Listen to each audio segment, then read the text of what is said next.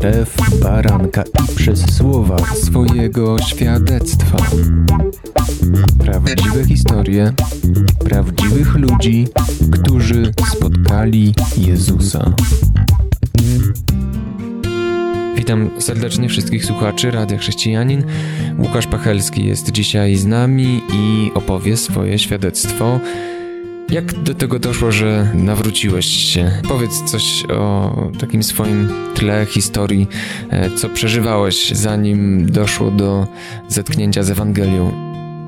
No więc mogę powiedzieć, że byłem wychowywany w takiej, no może nie do końca tradycyjnej rodzinie, ale no miałem kontakt z kościołem katolickim i tak dalej, więc gdzieś tam Pan Bóg był gdzieś tam dla mnie ważny. E, nawet w pewnym momencie mojego życia muszę powiedzieć, że myślałem, że zostanę papieżem, bo słuchajcie, taki dobry jestem, że chyba będę papieżem po prostu.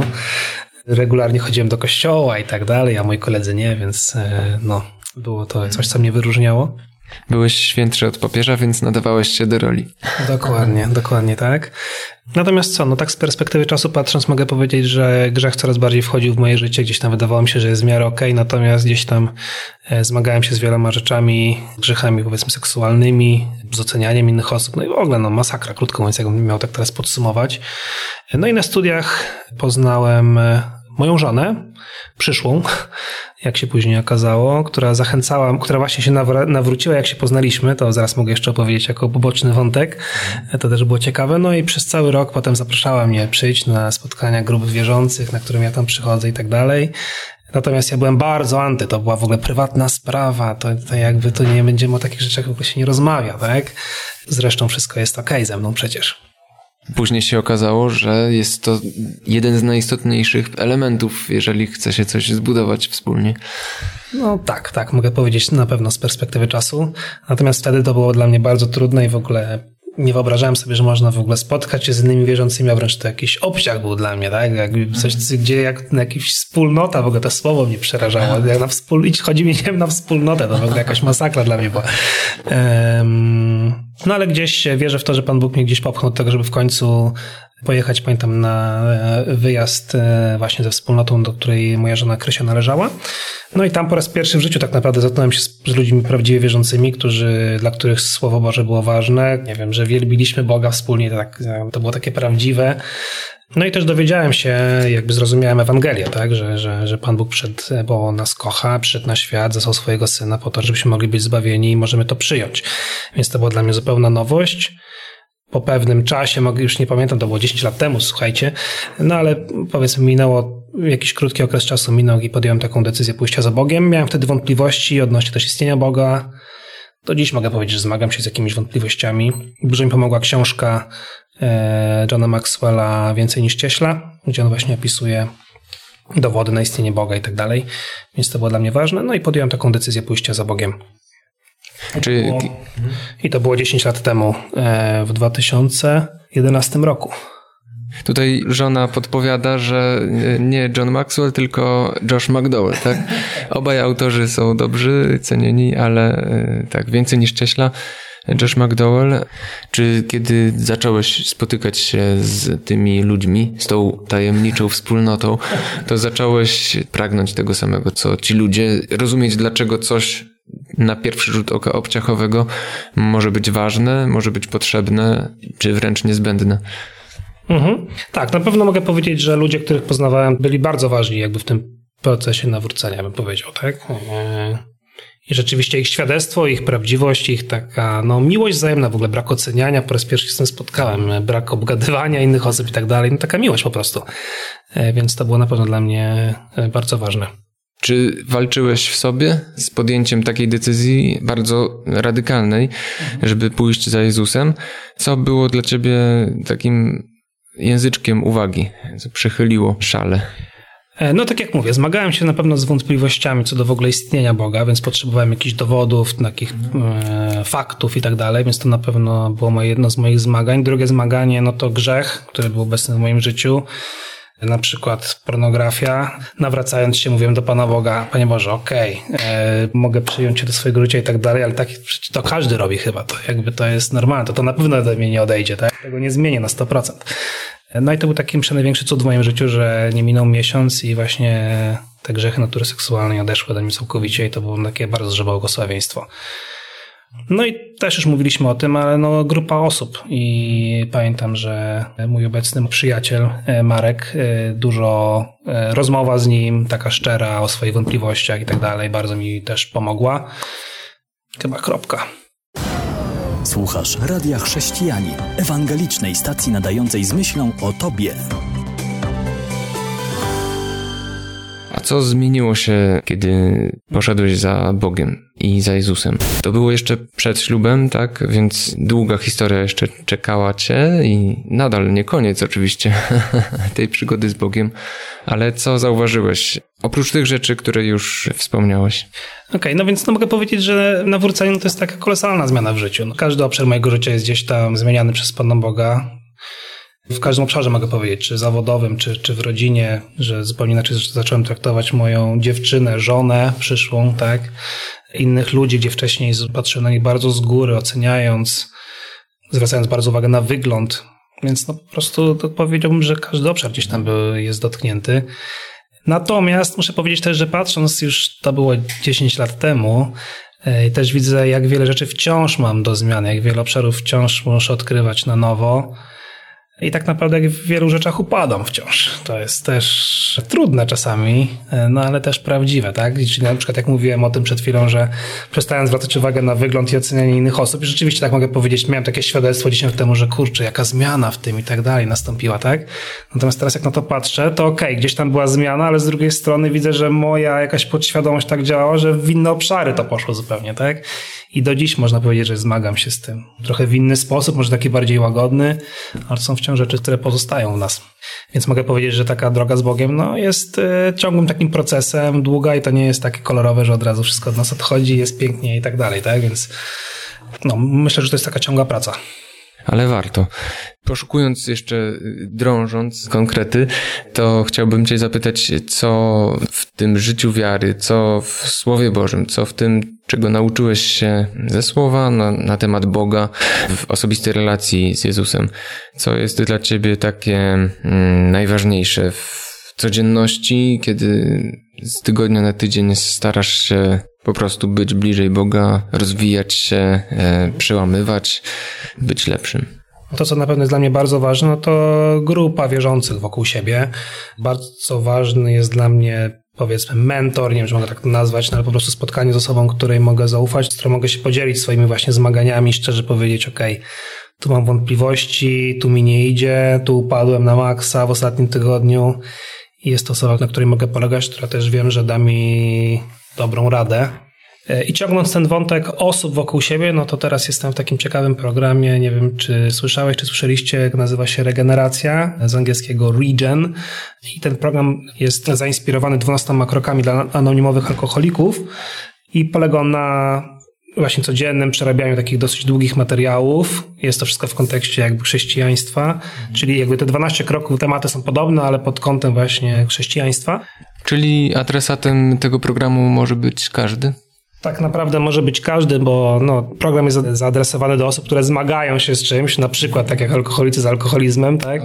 Natomiast tak naprawdę każdy z nas ma jakieś doświadczenia z przeszłości, czy rzeczy, z którymi na co dzień się zmaga, gdzie gdzieś tam upada. No jest to program, który pozwala wyjść z tego. Natomiast tak naprawdę no, głównym motywem jest to, że to Pan Bóg jest tym, który prawdziwie może nas odmienić i no, na moim przykładzie mogę powiedzieć, no nie wiem, zmagam się na przykład z niskim poczuciem własnej wartości. Okej, okay, no ale tak naprawdę główną przyczyną, co tam jest w środku, no to w moim przypadku na przykład jest to, że gdzieś tam nie czuję czasami akceptacji ze strony Boga, jego takiej więzi z nim, prawdziwej więzi miłości. Gdzieś tam intelektualnie przyjmuję to, natomiast gdzieś tej więzi mi czasami brakuje, tak? I w związku z tym na przykład poszukuję wśród innych tego, prawda? I ten program polega na takim właśnie dogłębnym wejściu, ok, co tam masz w środku, jakie są twoje prawdziwe myśli i tak dalej. No i na cotygodniowych spotkaniach dzielimy się tym, ok, jak tam poszło nam w ostatnim tygodniu i tak dalej. No i mogę powiedzieć, że jest to dla mnie też super program, który daje im taką regularność z Panem Bogiem, mm. dobry czas z Nim, dużo przemyśleń, dużo odkrywania w sobie, nie tylko takich pobieżnych rzeczy, które gdzieś tam e, widzimy gołym okiem, ale też które są w środku. No i to, że mogę się potem dzielić z, z innymi ludźmi i służyć też innym osobom, tak? Więc to dla mnie też takie, no mogę powiedzieć, ważne. I wypowiedzenie swoich przemyśleń, swoich zmagań też y, pozwala pewnie uporządkować y, i umocnić to, co się już ma. Mhm. Tak, no i mogę powiedzieć, że przynajmniej w moim przypadku rzadko się z czymś takim spotkałem w grupie wierzących. W sensie często mam wrażenie, że jest trochę taka świętość, można powiedzieć, każdy jest powiedzmy, no nawróciłem się, więc wszystko jest idealnie, w małżeństwie przecież jest idealnie i tak dalej, no bo teraz mam wierzącą żonę, to jest super. Oczywiście mogę powiedzieć, że tak, że to jest duży krok, że jesteśmy oboje wierzący i możemy, mamy jakieś wspólne wartości, natomiast to nie znaczy, że nie zmagamy się z wieloma rzeczami, że nie kłócimy się, że nie mamy problemów i tak dalej. No i gdzieś dla mnie to było ważne, żeby usłyszeć, ok, to ta osoba obok mnie, którą znałem zawsze i ona dla mnie jest taka po prostu, no wiesz, idealny chrześcijanin po prostu, no nawrócił się już dawno i tak dalej, jest taki doświadczony, a tu się okazuje, że on też się z czymś zmaga, też ma jakieś problemy, nie? Więc to było dla mnie też istotne, żeby zobaczyć to. Super, no to jest właśnie jedna z największych, myślę, zalet tego wspólnotowego życia, że możemy się w zaufaniu wzajemnym i w miłości dobrać trochę do skóry skóry w takim dobrym sensie drugiej osobie, jeżeli na to ona pozwala. I oby, oby takich sytuacji, programów, gdzie można to zrobić w zdrowy, bezpieczny sposób, bez zranień, było jak najwięcej. Podoba mi się to. To to jest może dobry moment na przerwę i po piosence wrócimy do naszej rozmowy. Słuchasz Radia Chrześcijani, ewangelicznej stacji nadającej z myślą o Tobie. Wracamy do rozmowy. Łukasz Pachalski jest naszym gościem dzisiaj i opowiada o swoim nawróceniu, swojej historii i drodze z Bogiem. Chciałbym zapytać Cię jeszcze, jak wiara wpłynęła na Twoje życie zawodowe. Czy takie, a nie inne e, zasady życiowe, ale więcej niż zasady, bo pójście za Jezusem to jest coś więcej niż światopogląd. Że to ma wpływ na to, jak pracujesz, jak zarabiasz, czy też może jakieś przełomy finansowe i inne były ewidentnie Bożym darem. Mhm. No więc pod kątem zawodowym muszę powiedzieć, że jestem ciekawym przypadkiem. Mianowicie w wieku powiedzmy 20 chyba 6 lat zupełnie zmieniłem swoją drogę zawodową. Początkowo pracując w jakichś korporacjach i tak dalej, w finansach i tak dalej. Natomiast nigdy nie sprawiałem to takiej prawdziwej przyjemności. No i w pewnym momencie zupełnie zmieniłem branżę, można powiedzieć, zostając trenerem piłki nożnej. No i to był taki krok zupełnie w nieznane, można powiedzieć, w sensie takim, że nie, mam, nie miałem doświadczenia, nie miałem znajomości, zupełnie zaczynałem od, od zera, już, już będąc w małżeństwie. No i na pewno wsparcie mojej żony było bardzo istotne bo przez pierwszy rok, z tego co pamiętam, pracowałem zupełnie za darmo, gdzieś tam po prostu dzwoniąc, ok, czy mogę być twoim asystentem, pomagać ci i po prostu uczyć się. E, no i dzisiaj mogę powiedzieć, że taki no, duży sukces, można powiedzieć, odniosłem, będąc teraz w reprezentacji Polski U20, czy w Legii Warszawa, będąc koordynatorem. No i mogę powiedzieć, że właśnie to zupełnie taka droga Jestem teraz w szoku patrząc na to, że to w ogóle nawet nie wyobrażałem sobie, że mogę gdzieś tak daleko zajść, e, tak pod kątem zawodowym. No i w ogóle jakby patrząc na to nie przypisuję sobie zasług, jakby nie wiem, jak to się stało w ogóle, więc tutaj dużą zasługę Panu Bogu przypisuję, w sensie oddaję to Panu Bogu chwałę po prostu, tak? To jest niewytłumaczalne, jak w kilka lat dosłownie udało mi się takie kroki tutaj poczynić, także super. Ale nie nawalałeś w międzyczasie. No, starałem się na pewno bardzo sumiennie podchodzić do zadań, zawsze będąc uczciwym i tak dalej. Wiadomo, to różnie wychodziło. No, od razu mówię, że nie byłem świętym, ale, ale na pewno te Boże zasady, które miałem, uważam, że na pewno nie, nie powiem, że to jest gwarancja sukcesu. Jako trener to dużo porażek odnoszę. I tak samo my w życiu myślę, tak? E, dużo porażek, dużo sukcesów i taka to jest sinusoida czasami, tak? Ale myślę, że właśnie na koniec zawsze spojrzeć na ten rok na przykład i powiedzieć sobie, ok, trzymałem się swoich głównych wartości na przykład. Szedłem w jakimś kierunku i robiłem to dobrze, najlepiej jak potrafiłem, to uważam, że warto tak spojrzeć zawsze na to i to jest coś, co mogę rzeczywiście obiektywnie ocenić, bo wiadomo, że szczególnie w mojej branży mogę powiedzieć trenerskiej, gdzie co chwilę się przegrywa, rzadko się wygrywa ligę, często kończymy porażkami, warto spojrzeć na to, ok, czy trzymałem się swoich wartości, czy starałem się ufać Bogu i tak dalej. Słuchając Ciebie, myślę sobie, że taką ogromną wartością w ogóle, a zwłaszcza w życiu chrześcijańskim, jest po prostu szczerość przed samym sobą. Jak myślę, jak to jest być człowiekiem sukcesu, to przede wszystkim fajnie jest spojrzeć sobie w twarz, może w lustrze i powiedzieć, że Może nie wygrałem wszystkiego po kolei, tak jak powiedziałeś, nie zawsze się wygrywa całą ligę, ale przynajmniej byłem uczciwy i, i walczyłem i nie uciekałem, nie oszukiwałem sam siebie i innych, tak? Jak ty to widzisz? Tak, no i mogę powiedzieć, że to jest chyba najważniejsze, bo rzeczywiście zaczynając pracę, czy to z drużyną, czy właśnie jak koordynuję jakiś dział ludzi, no to pierwsze co robimy, to zastanawiamy się, ok, to jakie, jakie wartości będą nam przyświecać, co będzie dla nas najważniejsze. I rzadko to jest wynik. Z reguły to jest właśnie na przykład to, że ok, chcemy być szczerzy wobec siebie, chcemy tworzyć fajne miejsce. No i staram się potem to gdzieś tam ewaluować, sprawdzać jak nam idzie i oceniać właśnie to. I wierzę w to, że jak ok, sumiennie ciężko będziesz pracował, no to gdzieś tam te rezultaty prawdopodobnie będą przychodzić. Ale rzeczywiście staram się, żeby to było takie, czy to z drużyną pracując, czy właśnie z innymi ludźmi, żeby to rzeczywiście była praktyka naszego dnia i rzeczywiście, żeby o tym rozmawiamy, myślimy o tym i rzeczywiście pod tym oceniamy naszą pracę. A propos jeszcze człowieka sukcesu, to masz y, oprócz żony dwójkę dzieci. No Chcesz jeszcze y, coś dodać do tej listy? Takie moje standardowe pytanie prawie na koniec to jest, y, za co jesteś najbardziej wdzięczny Bogu dzisiaj? Mhm. No więc e, mogę powiedzieć, że na pewno za żonę i dzieci. Jak patrzę na to, oczywiście wiadomo, że jesteśmy gdzieś tam w codzienności, to wiadomo, że to powszednieje i tak się aż tak bardzo tego nie docenia. Natomiast patrząc na to tak z perspektywy czasu, no to po prostu no, moja żona jest super, moje dzieci są super. Jest taki fragment z czwartego rozdziału do Filipian. Ten fragment leci tak, że przedstawiajcie Panu Bogu swoje potrzeby z dziękczynieniem.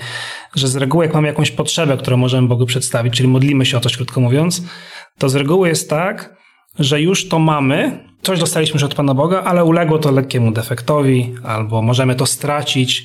No idealnym przykładem są moje dzieci, gdzie właśnie czytałem ten fragment, kiedy mój syn bardzo cierpiał, pamiętam w nocy bolało go ucho. Pomyślałem, okej, okay, najpierw podziękujmy za to, kurczę, że mam syna, że jest super gościem w ogóle, no niesamowity, daje mi dużo radości i tak dalej, Pan Bóg go cudownie stworzył. I teraz uległ lekkiemu defektowi, postaci ubolącego ucha i Panie Boże, to jest moja potrzeba, żeby był zdrowy.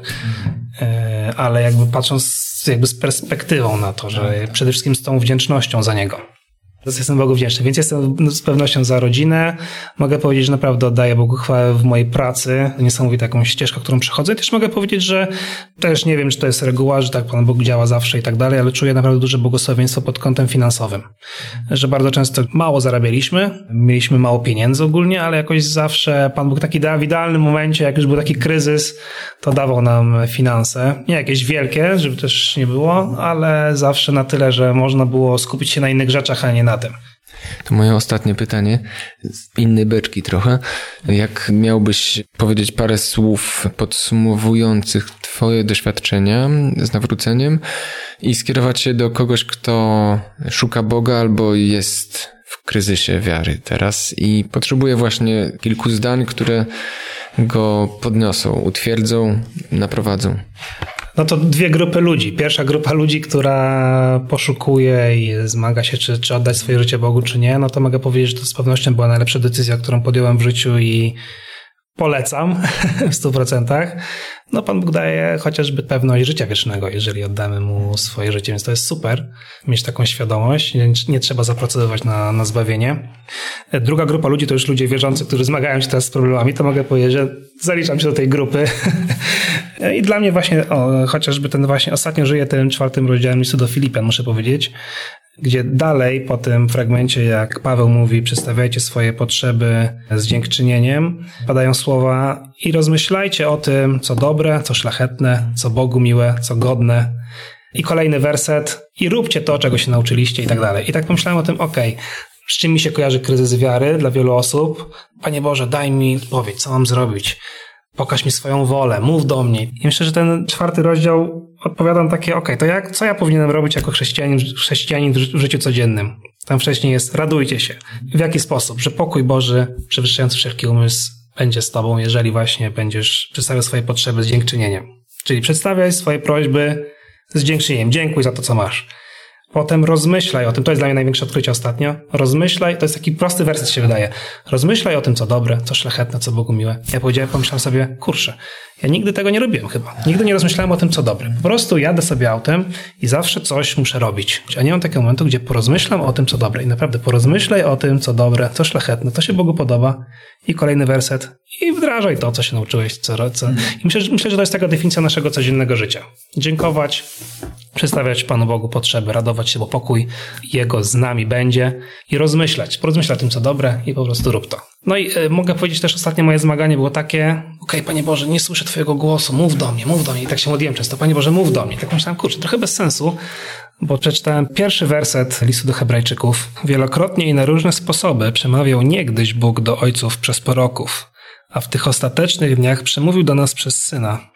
No i myślę o tym, okej, okay, czyli Pan Bóg przemówił do mnie przez Syna i myślę o tym, okay, no to poznawaj Jezusa, po prostu czytaj o Nim. To jest to, jak Bóg przemówił już, już nie musi mieć proroków, z których przemawia, znaczy może i może mieć tych proroków, nie ma problemu, to Pan Bóg robi co chce oczywiście, tak, ale już kiedyś przemawiał przez tych proroków, a teraz przemówi przez Syna, jakby to jest jego główny cel, żeby go poznawać. To też jest w pewnym sensie kontynuacja tego rozmyślania o rzeczach dobrych, y, godnych pochwały i to jest zadanie domowe do końca życia, tak naprawdę. Dziękuję Ci za tę rozmowę i za te ostatnie wezwania, przemyślenia, rady właśnie z głębi doświadczenia własnego. Łukasz Pachelski dzisiaj był gościem Radia Chrześcijanin. Do usłyszenia. Dzięki, pozdrawiam. Kłaniam się, Jan Żyłkowski.